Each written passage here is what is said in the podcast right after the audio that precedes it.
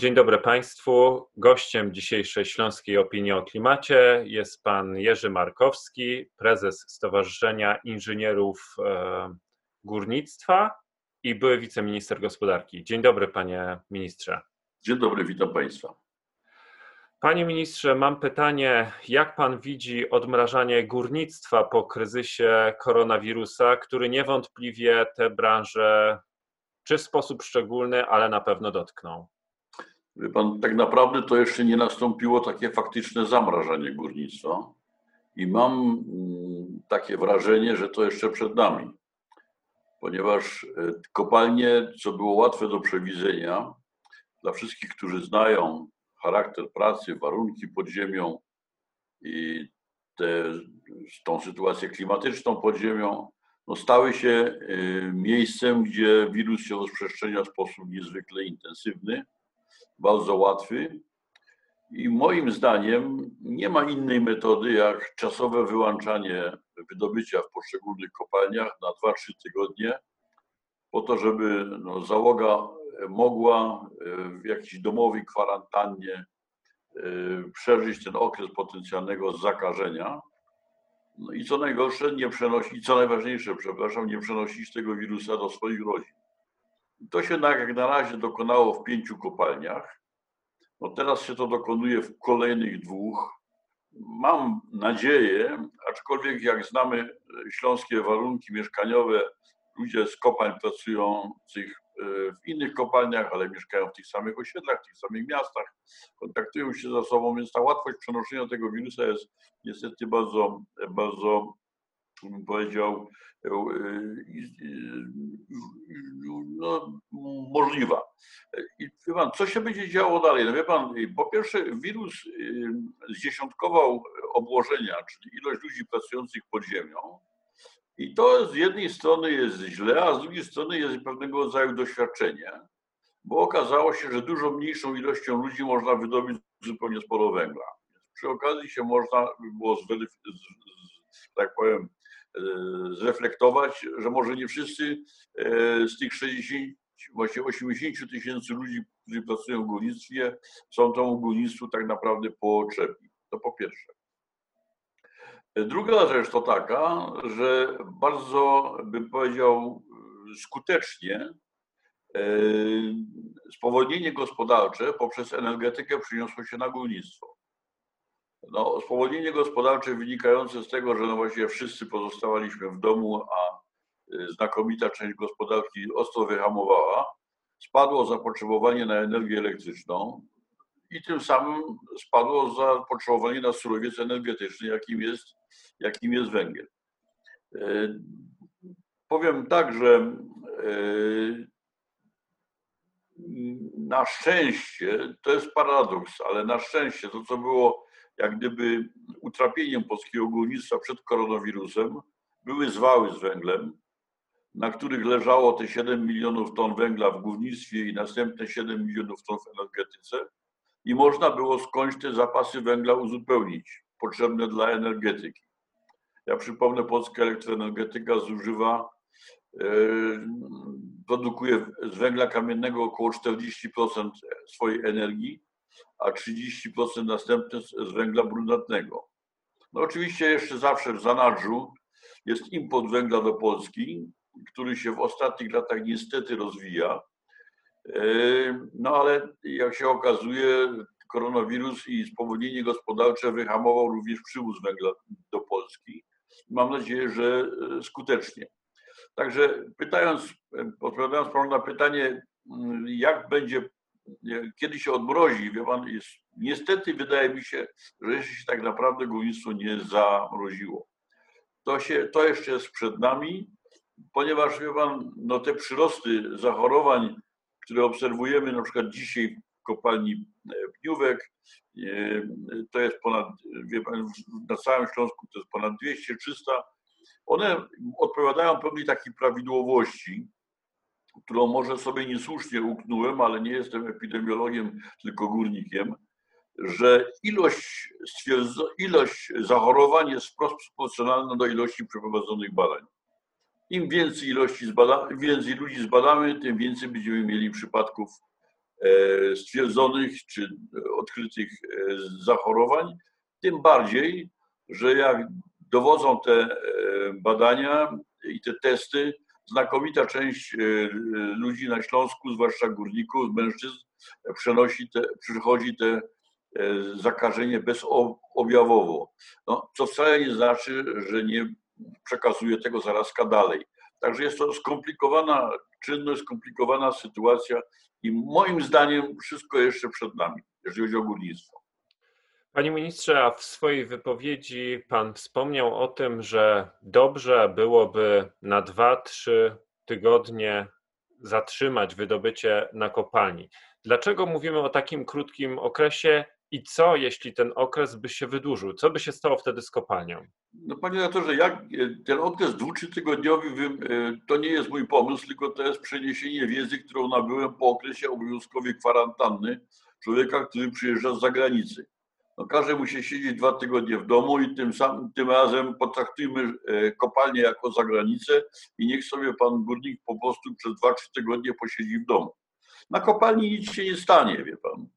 E, oczywiście do kopalni zamiast 4000 ludzi normalnie w niej pracujących będzie chodziło 200-300 górników, którzy będą pompowali wodę, a przypomnę, do każdej kopalni wpływa około 4 do 10 metrów sześciennych wody na minutę.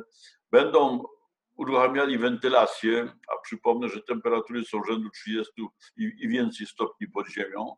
Będą uruchamiali odmetanowanie, i będą obserwowali wyrobiska. Nic się nie stanie przez te e, trzy tygodnie nawet.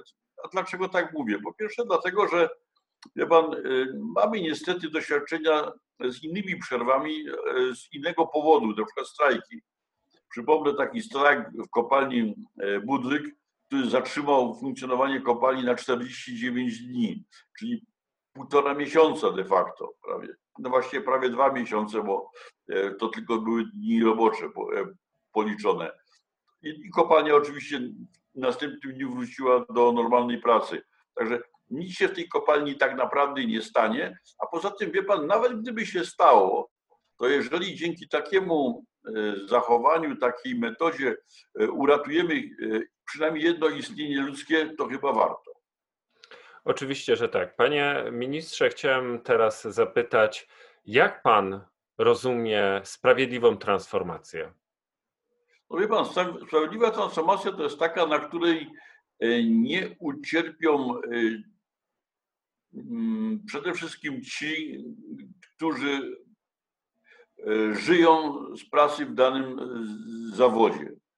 E, tym ludziom, którzy e, teoretycznie powinni, ja oczywiście mówię, ja mówię, mówię o transformacji technologicznej, bo nie mówimy, o, bo, bo jak sądzę, nie będziemy rozmawiali o transformacji ustrojowej, bo to już mamy za sobą i ona się dokonała e, i nie mnie oceniać, bo jestem inżynierem, a nie politologiem na temat bilansu tej, tej transformacji. Mimo, że w niej uczestniczyłem, chociażby ze względu na to, że no, żyję już dosyć długo, a pracuję prawie 50 lat. Ale wracając do rzeczy, do transformacji tej technologicznej, no wie pan, polskie doświadczenia, nasze śląskie doświadczenia dowodzą, że ona nie musi być bardzo bolesna. Ja posłużę się znowu faktami, wie pan, od 30 lat, wie pan, na przykład zmieniamy cokolwiek w polskiej gospodarce, zwłaszcza w górnictwie. I w czasie, kiedy na ja byłem wiceministrem odpowiedzialnym za górnictwo, czyli w latach 95-97, w tym górnictwie pracowało 430 tysięcy ludzi.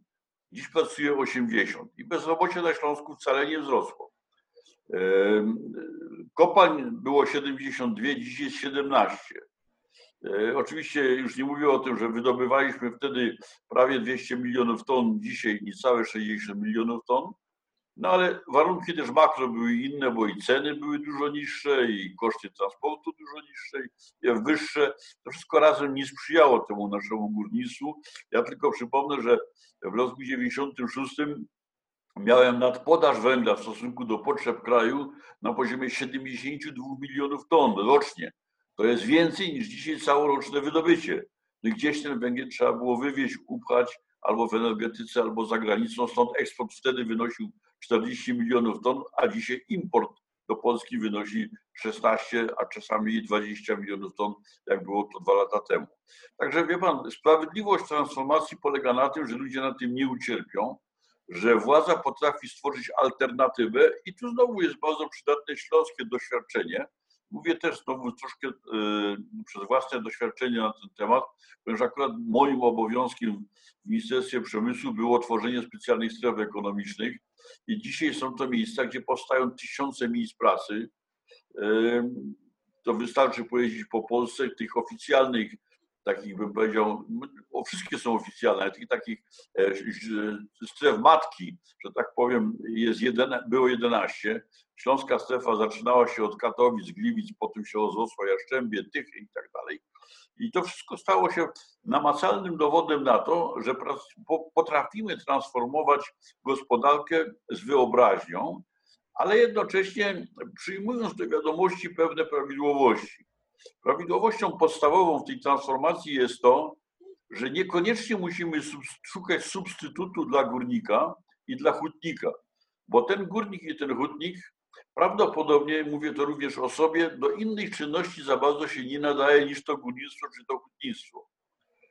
Co to znaczy? Że te wszystkie miejsca pracy, które powstały, to są miejsca pracy dla dzieci górników, dla dzieci hutników, dla dzieci pracowników przemysłu, którzy są ludźmi już innej epoki, posługują się innymi narzędziami, chociażby informatycznymi, już nie mówiąc o językach, już, ale nie mówiąc o tym, że jeszcze mają w genach te wartości, które są niezwykle cenne i typowe dla Śląska, czyli rzetelność, kompetencja, przywiązanie do dyscypliny. I to wszystko razem powoduje, że specjalne strefy ekonomiczne i nie tylko na Śląsku spełniły rolę substytutu dla masowego przemysłu ciężkiego, co skutkuje między innymi tym, że dzisiaj e, ten przyrost bezrobocia praktycznie nie istnieje, no chyba, że teraz znowu coś się stanie po koronawirusie. Oczywiście trzeba jeszcze pamiętać o jednym zjawisku, które zwłaszcza na Śląsku ma miejsce. To jest zjawisko emigracji, reemigracji zarobkowi ze Śląska. E, takie miasta jak e, Jaszczębie, Żory, Wodzisław one się zaludniały w latach 70. i 60. w sposób niezwykle intensywny, a teraz wolniej, ale się odludniają. Co to znaczy? Że ludzie, którzy przyjechali do pracy za chlebem, za węglem, no po prostu osiągnęli uprawnienia emerytalne i z tymi emeryturami wracają tam, skąd przyjechali. E, niejako e, opuszczając nasz Śląsk, e, wie pan, nie można im mieć tego za złe. Ja też bym tak zrobił, ale na szczęście jestem stąd i nie muszę nigdzie wyjeżdżać. Bardzo dziękuję za tę dzisiejszą rozmowę. Moim gościem był pan Jerzy Markowski, były wiceminister gospodarki, prezes Stowarzyszenia Inżynierów i Techników Górnictwa. Bardzo dziękuję. Dziękuję bardzo za rozmowę. Dziękuję. Kłaniam się. Do widzenia. Życzę zdrowia.